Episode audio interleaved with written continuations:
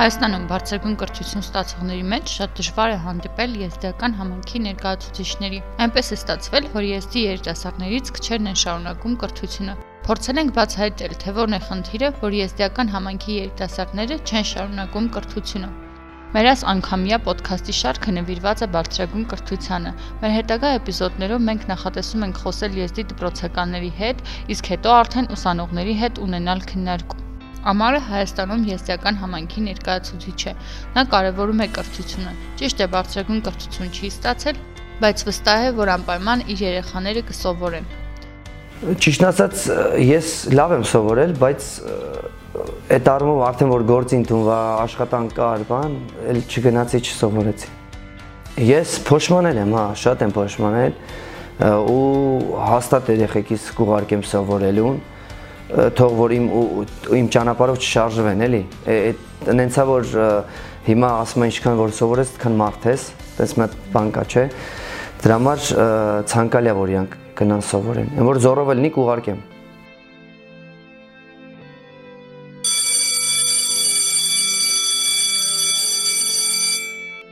Ֆերիկ Եզդիական համայնքի հիմնական դպրոցում ենք։ Դպրոցի տնօրեն Լևոն Խաչատրյանի հետ փորձում ենք հասկանալ, թե որն է խնդիրը, որ եզդի աշակերտները չեն շարունակում կրթությունը։ Դե առաջի գործոնը ճիշտն ասած այդ ուրեմն ուսումնաուսման որակը էլի ճիշտ ասա որակ ոնց ասեմ նրանց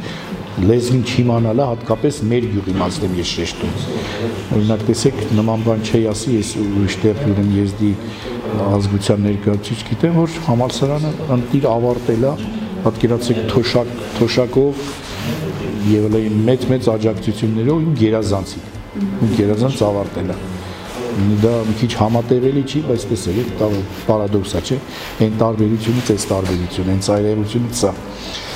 Մեր շփումն է հիմնականում երևի հայաշատ միջավայրի կամ հայոց հայ լեզվի շփում։ Այսինքն դուք տենց եք տեսնում։ Հա, ես տենց եմ տեսնում։ Ձեզ տեսնում եմ նաև ճիշտ ասած իմ իրավանախորդը Լուսաոքի Օզմանյան ունենք մեր նախկին տնօրենը ինքն էլ ինքը ես ինքն ինքն էլ տեսավ որ ես էլ եմ էլի աջակցում այսինքն աջակցել որն է է շատ շուտ տարիներից ես էլ էի պնդում որ սովորել շատ է պետք ու երեխեքի շրջանում անդադել ամեն տարի էլ ասում եմ դե երևի թե այդ վիճավայրի ազդեցությունն ավելի ուժեղ է քան թե կոնկրետ իմ կամ ինչ որ մեկի այդ ներկայացած փաստարկները Համայնքապետ Ռուստամ Հասանյանի պնդմամբ եզդի երիտասարդները կրթություն չեն շարունակում տեխնիկական պատճառներով։ Եզդիաբնակ համայնքներում ճանապարհները վատ են եւ հասարակական տրանսպորտը գյուղ է գալիս երկու անգամ։ Այդ պատճառով երեխաները չեն կարողանում այցելել հարակից գյուղի դպրոցներ։ Հիմա 90-ական թվականից այսքան երևի 10-րդ դասարան 10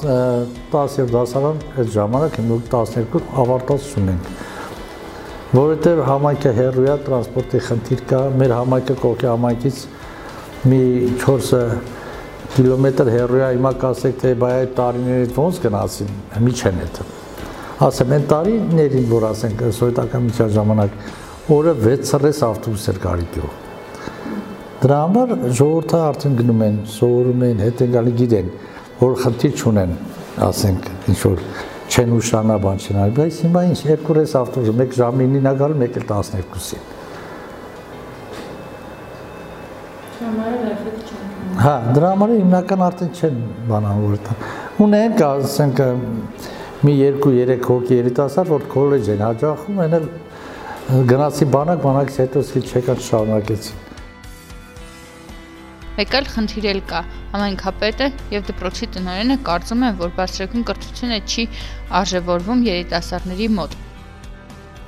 Հիաց թափել են այդ սովորությունից։ Սովորել բար, որ ասենք, բան այդ ոնց որ իրանց մոտ արդեն որ սովորեն ինչ պետք է անեն, հա, հա սովորեցին։ Ինչ պետք է աշխատեն։ Իսկ եթե ներ աշխատատեղ, եթե բոլորը նորմալ են, մարդիկ կան հա դա սովորեմ, կետամ ես ինչ մասնագիտությունը կընտրեմ, ես ինչ կաշխատեմ։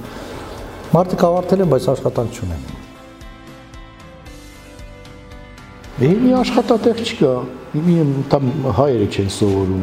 Եզդիները դրան աչք տալով ոնց կսովորեն։ Աշխատատեղ ելնելու, աշխատանքով ապահովելու։